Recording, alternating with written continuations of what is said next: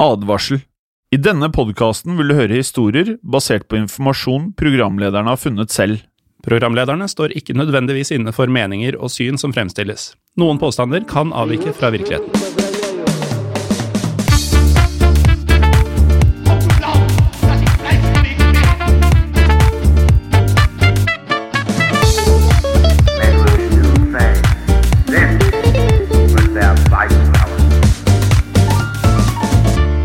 Velkommen til historiepodden andre verdenskrig. Mitt navn er Morten Gallaasen, og med meg i studio, faktisk, men i et annet studio enn det jeg sitter i, har jeg deg, Jim Fosheim. Ja, Hei, Morten. Altså, Vi sitter i vegg i vegg, for så vidt.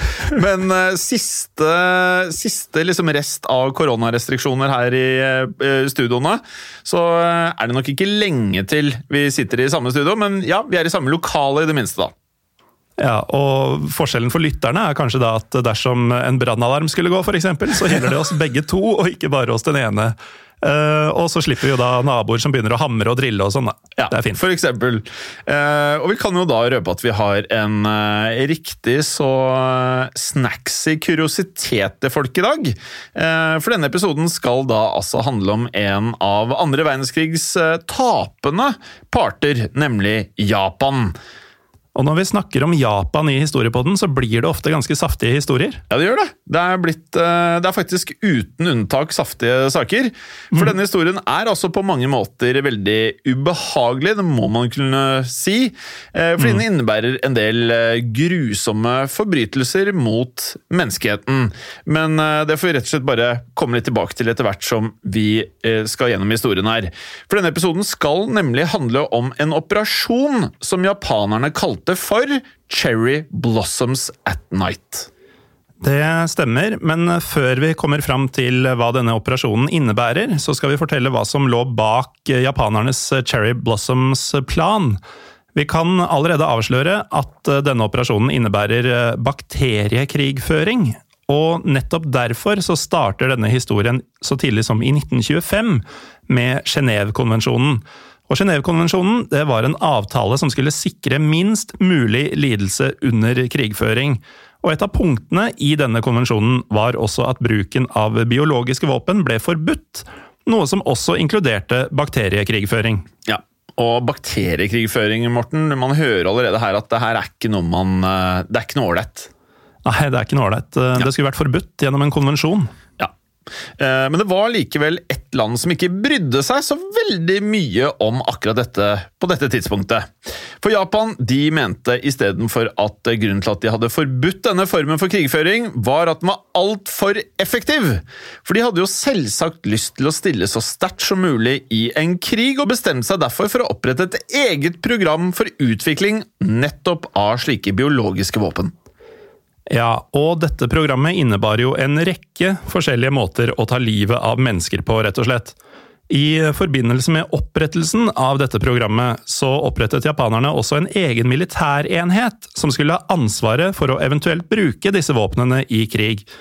Denne enheten ble kalt Enhet 731, og det var likevel ett problem de måtte løse før de kunne begynne utviklinga av biologiske våpen. De måtte ha noen å teste dem på. Og allerede her så hører man jo at dette her, eh, det blir ikke bra. Det blir ikke det. Og siden da Japan på 1930-tallet hadde okkupert store områder i Kina, ble det naturlig for japanerne å dra nettopp hit. Og Enhet 731 og en rekke forskjellige forskere reiste dermed til området Harbin i Kina, og bygde der et forskningssenter som ble kalt Harbin-anlegget.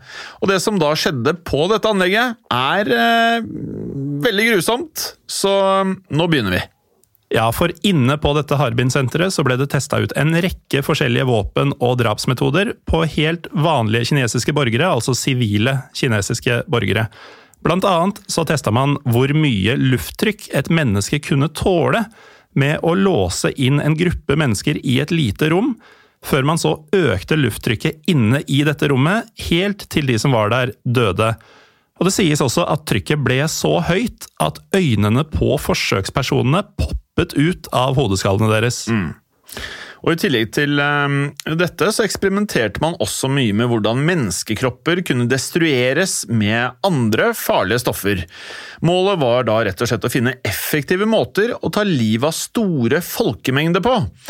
Og Et vitne som da jobbet på dette senteret, har i senere tid også forklart hvordan det fantes flere store glassbeholdere der det fløt syltede kroppsdeler inne i lokalene. Og hva disse skulle brukes til, er likevel uvisst. Ja, Men eh, dette er da den type undersøkelser som ble gjort av japanerne gjennom hele 30-tallet, og da 1940-tallet kom, hadde de bestemt seg for at det mest effektive ville være å bruke sykdommer som våpen i krigføring. Det vil altså si at de ønska å slippe slike virus ned over fienden, slik at de sakte, men sikkert døde av de ulike sykdommene. Noen av sykdommene de eksperimenterte med, var kolera, kopper og miltbrann. Altså, Når vi prater Morten, om at du går rundt i et lokale med syltede kroppsdeler i glassbeholdere Vi har snakka om mye morbide greier i begge historiepodene, egentlig. Ja. Men dette er ordentlig, ordentlig eh, makabert. Altså, Dette høres ut som sånn zombie-TV-spill.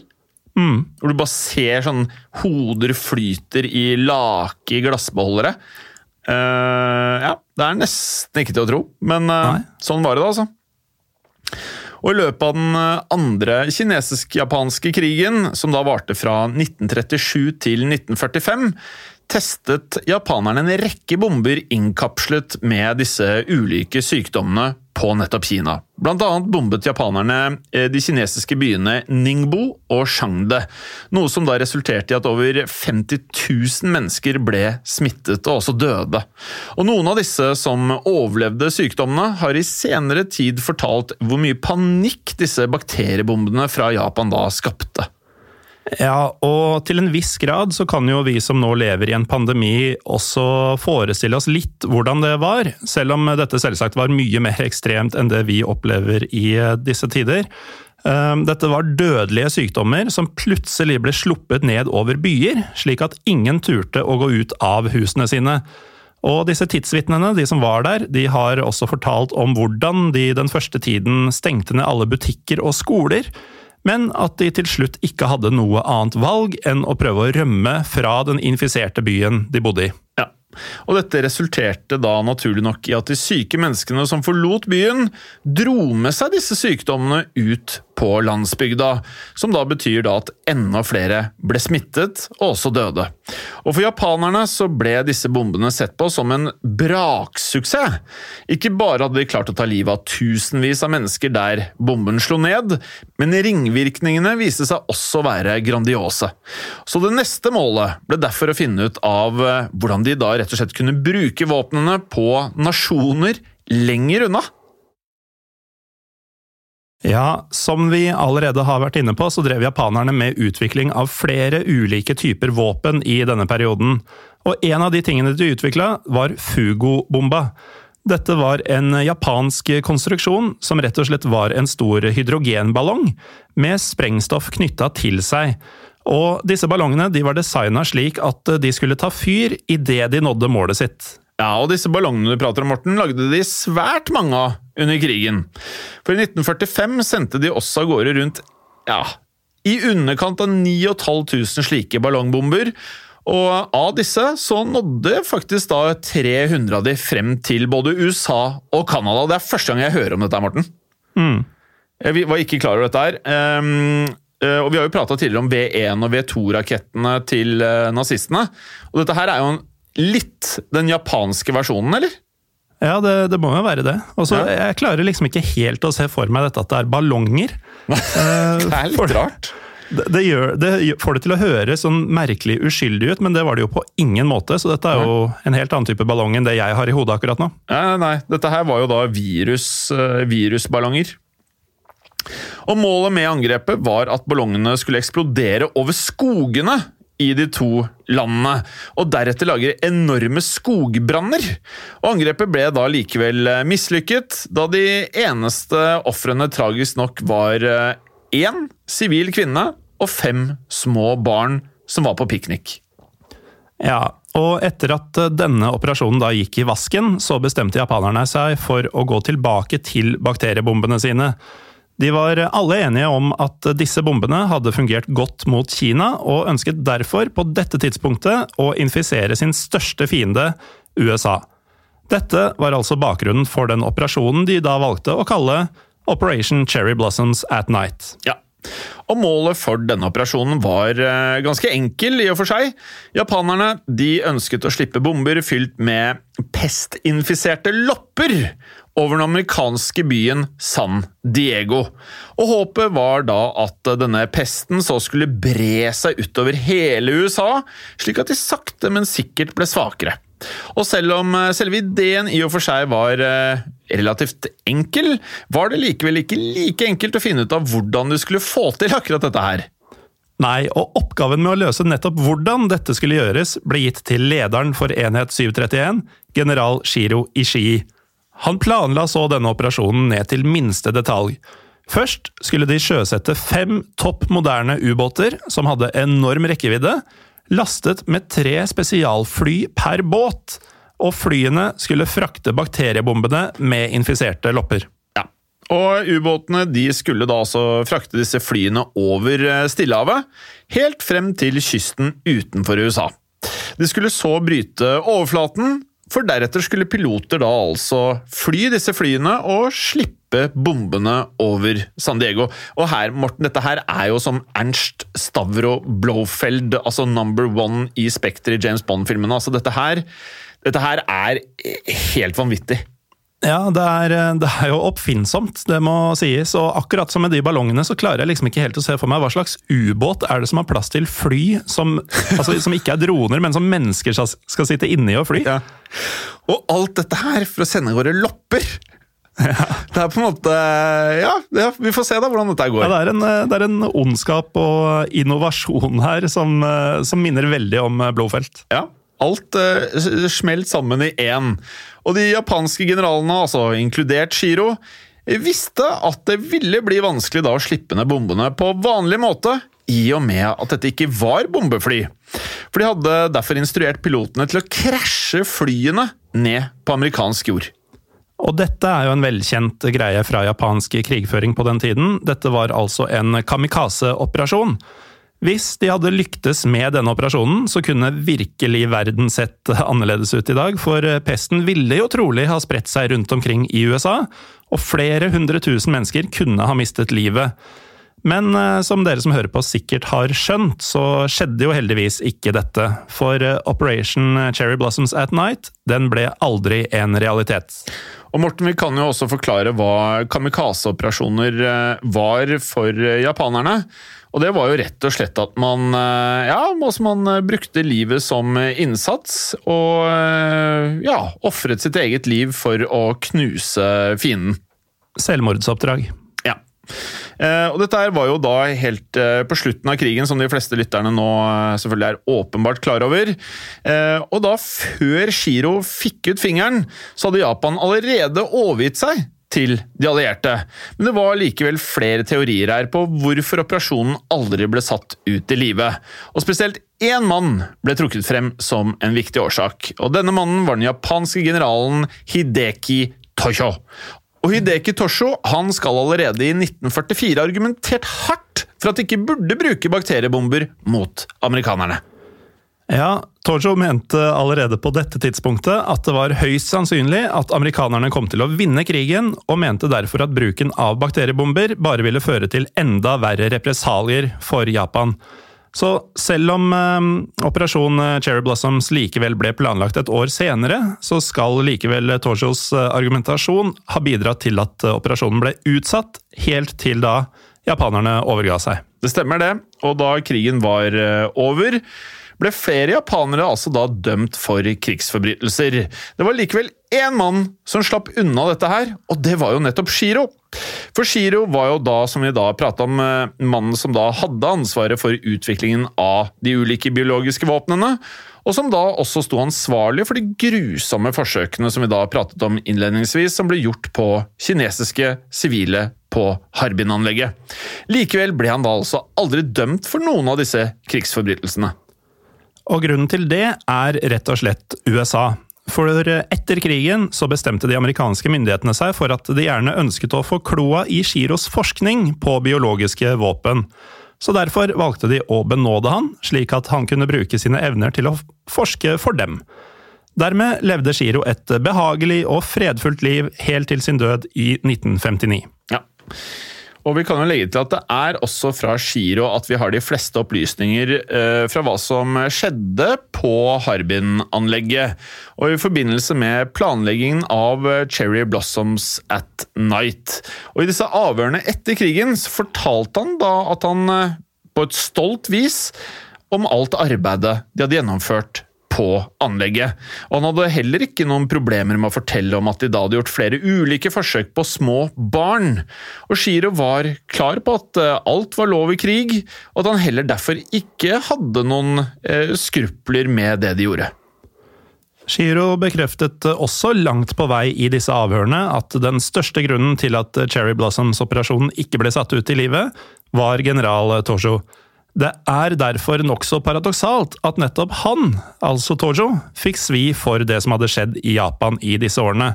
For eh, etter krigens slutt så forsøkte Tojo å ta sitt eget liv med en pistol, men mislyktes.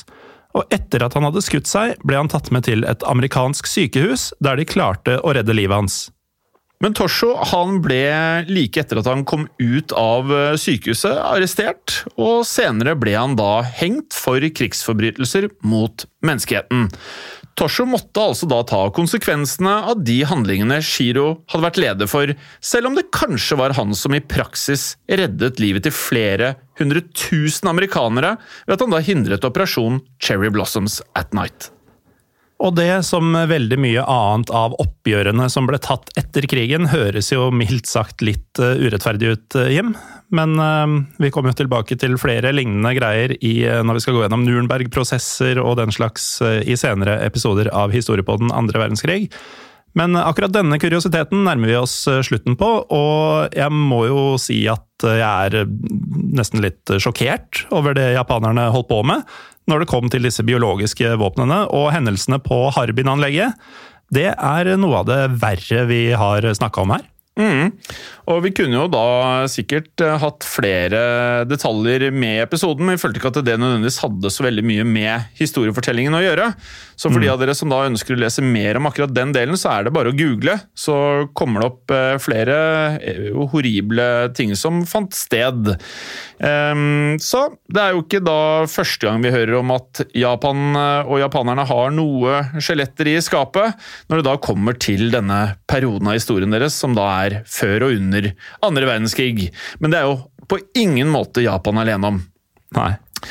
Og så kan vi jo si, da det var jo greit at Cherry Blossoms da selvfølgelig ikke lyktes. Eh, mm. Og med det så Vi vet jo ikke om det hadde fungert med ubåter og fly under vann, og flyene skulle liksom lette opp av vannet og spre lopper over hele USA, og at det skulle liksom ta knekken på dem. Det er jo, det er jo mye som kunne gått gærent eh, under utføringa her. ja. Så det er ikke, det er ikke sikkert det hadde, vært, uh, hadde gått helt som Japan hadde tenkt. Det hørtes ikke ut som det var en idiotsikker plan. det, det, det, det, var liksom Det var uh, veldig spekter James Bond over dette her, men uh, Og tanken var ond på aller, alle mulige tenkelige måter, men de klarte altså ikke gjennomføre dette her. Har du som hører på um, andre um, operasjoner og ideer fra krigen som aldri ble satt ut i live, så del dem gjerne med oss på Facebook-gruppa vår uh, Historie for alle, hvor vi uh, for en tid tilbake bikka 3000 medlemmer, Jim, og mm. vi vil jo veldig gjerne ha både fire og fem, vi. Ja, ja, ja. På, på, alle mulige måter så ønsker vi 10 000, faktisk, så vi har et lite stykke å gå der. I mellomtiden så setter vi utrolig pris på om dere rater oss på eh, podkasterappen til eh, Apple. Altså den lilla appen du har på telefonen din. Eh, fem stjerner er jo helt eh, nydelig å få. Og utover det, følg oss gjerne da som nevnt på Instagram, der vi deler episoder og også andre ting vi finner interessant. Ja, og vi heter jo da Historiepodden Norge på Instagram, og det gjør også Facebook-siden vår, som du ikke må eh, blande med Facebook-gruppa som det er Historie for alle. Ja, og da tror jeg vi har nevnt uh, alt av sosiale medier, Jim, og ja. da er det jo bare én ting igjen å si. Det har skjedd. Og det kan skje igjen. Ha det bra. Ha det. I produksjon av Historiepodden så ønsker vi å takke Håkon Bråten for lyd og musikk. Takk til Felix Hernes for produksjon. Takk til Ellen Froktenestad for tekst og manus. Og takk til deg, Morten Galesen, for programlederrolle. Og takk til deg, Jim Fosheim, for programlederrolle. Moderne media. Kiwi er billigst i VGs matbørs og har vært billigst i fire av de fem siste VGs matbørser. Og nå presser vi prisene på frukt og grønnsaker. På 200 gram broccolini setter vi prisen til 24,90. På 400 gram Cevita blåbær setter vi prisen til 49,90. Og husk, alle Kiwi Pluss-kunder får i tillegg 15% trumfbonus på all fersk frukt og grønt. For det er vi som er prispresserne. Og vi i Kiwi gir oss aldri på pris.